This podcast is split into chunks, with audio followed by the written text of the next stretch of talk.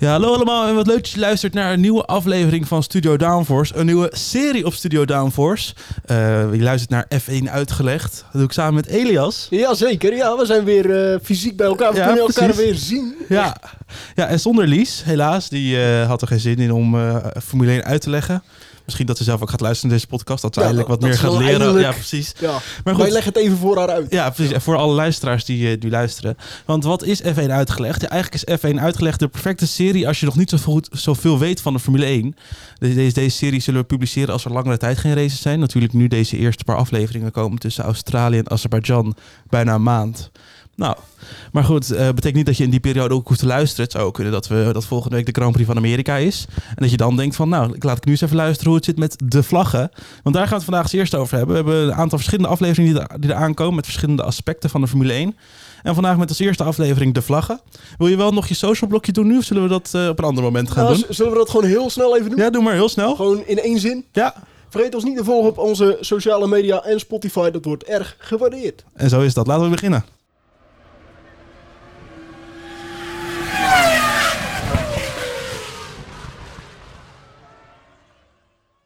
Goed, ja, de vlag in de Formule 1, dat zijn er best een hoop. En ik kan me best voorstellen dat soms best wel een uh, kleurendoolhof is van welke vlag betekent nou wat.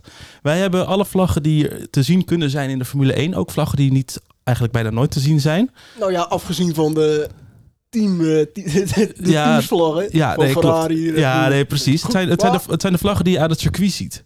Die je uh, rondom het circuit voorbij zal uh, kunnen zien komen.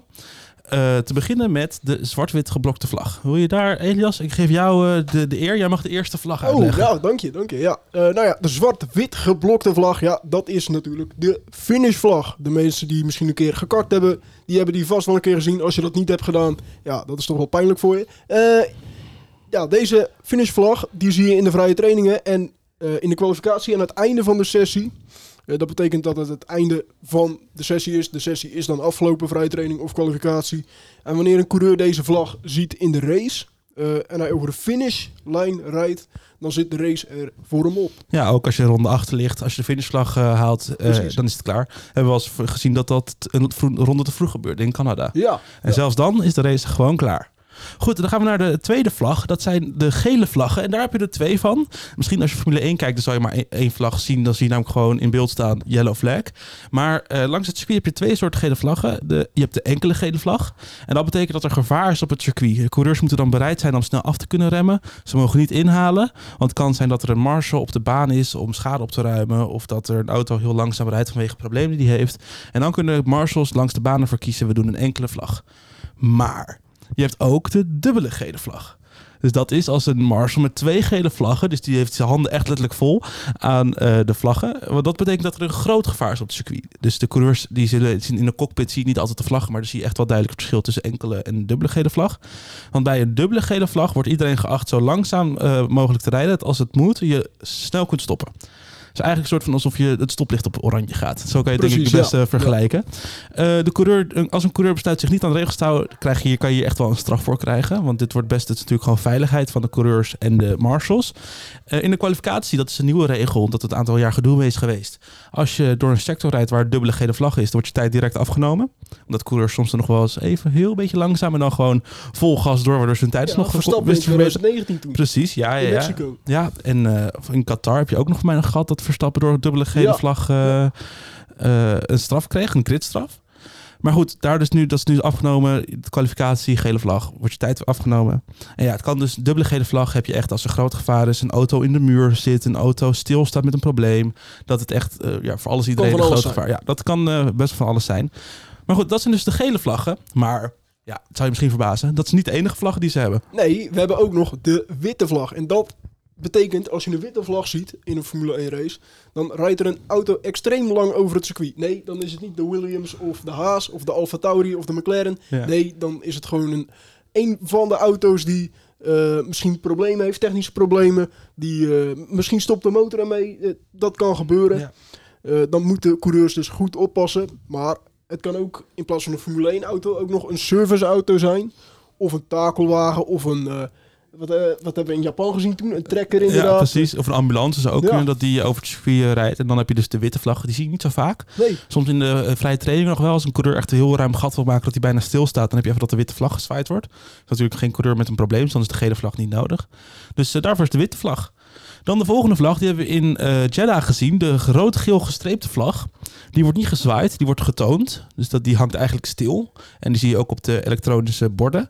Dat is namelijk als er olie, water, brokstukken op het circuit liggen. Waar de coureurs voor moeten opletten. Dus eigenlijk dat de marshals aangeven aan de, circuit, aan de coureurs op de baan. Luister, pas op, komende sector. Ligt iets op de baan wat er niet hoort te liggen. Let op dat je niet overheen rijdt. Of let even goed op dat de grip anders kan zijn dan normaal.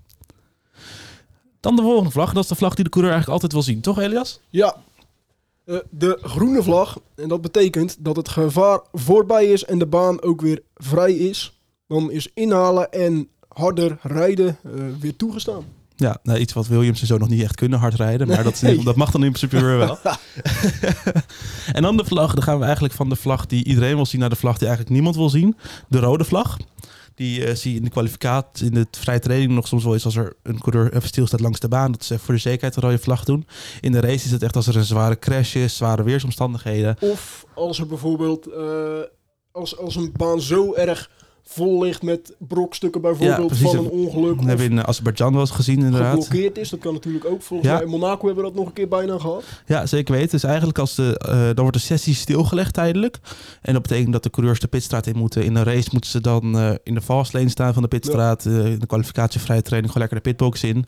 En is het afwachten wanneer dan de sessie weer hervat mag worden. En wanneer de groene vlag dan weer te zien is. Dan de vlag die eh, ze bij Red Bull niet zoveel zullen zien, maar bij McLaren en Alfa Tauri wel. Ja, Dat is namelijk de kleur van jouw microfoon. ja blauw inderdaad. De blauwe vlag. Eh, wel een beetje eh, beroemd geworden door Sebastian Vettel. Die toen, Blue flag, blue flag. inderdaad bleef zeuren om blauwe vlaggen. En wat is een blauwe vlag nou? Nou, in vrije trainingen en kwalificatie betekent dat een coureur achter je is sneller onderweg. Dus maak ruimte. Ga niet, ga niet diegene in de weg zitten. Eh, en in de race betekent het, de coureur heeft een ronde achterstand. En die wordt dan geacht om degene die achter hem zit, eh, ja, voorbij te laten eigenlijk. Ja, is inderdaad eh, een vlag die gezwaaid wordt langs de baan, maar ook op de dashboard van Ja. de coureur. Dat is sowieso met alle vlaggen. Dan wordt duidelijk zichtbaar van welke vlag eh, die op toepassing is van die coureur. En ja, en vaak is het toch wel ergernis tot de coureurs die aan de leiding liggen dat die blauwe vlag niet altijd even goed gerespecteerd wordt. Dan een vlag die ze bij Haas heel goed kennen. De zwarte vlag met oranje cirkel, ook wel de meatball vlag genoemd. Dat was, eh, in 2022 was dat een aantal keer vanwege een kapotte voorvleugel of dan een kapot, eh, kapot onderdeel van de voorvleugel. Dat betekent namelijk dat ze eigenlijk een signaal van de FIA aan de coureur. Ga naar binnen, je hebt schade, je kan je niet meer doorrijden. Het is een gevaar voor de rest. Je moet naar binnen. En als je dat niet doet, dan eh, krijg je een straf. Dus je moet eigenlijk, als je de black and orange vlek, de meatball vlek krijgt, dan moet je snel mogelijk naar binnen. Dus het kan een kapotte voorvleugel zijn, kapot bodywork. Kan zijn, we hebben met eh, Lewis Hamilton gezien dat zijn headrest eh, los zat. En dan kan, dat kan dus ook, als een veiligheidsprobleem, zo'n veiligheidsrisico, dan is de FIA heel snel, die zegt dan, je moet naar binnen. Want natuurlijk, het liefst rijdt Mercedes dan gewoon door en de race uit met een losse, losse headrest. Maar je wil juist eh, dat, dat het veilig is en dat, daar is die vlag voor. Precies, ja. Nou, dan de allerlaatste. Ene laatste. De ene laatste vlag, moet ik zeggen.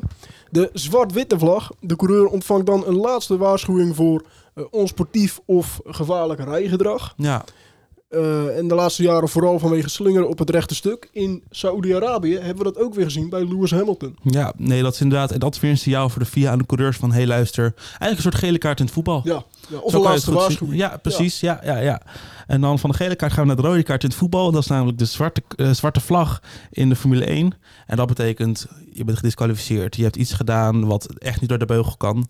zien we bijna nooit in de Formule 1. Nee, We hebben het een keer volgens mij met Michael Schumacher gezien in... eh, Silverstone? Silverstone, ja. Ja. En, ehm, maar het is vaak dat iemand gedisqualificeerd wordt na de race door een technisch iets wat niet klopt.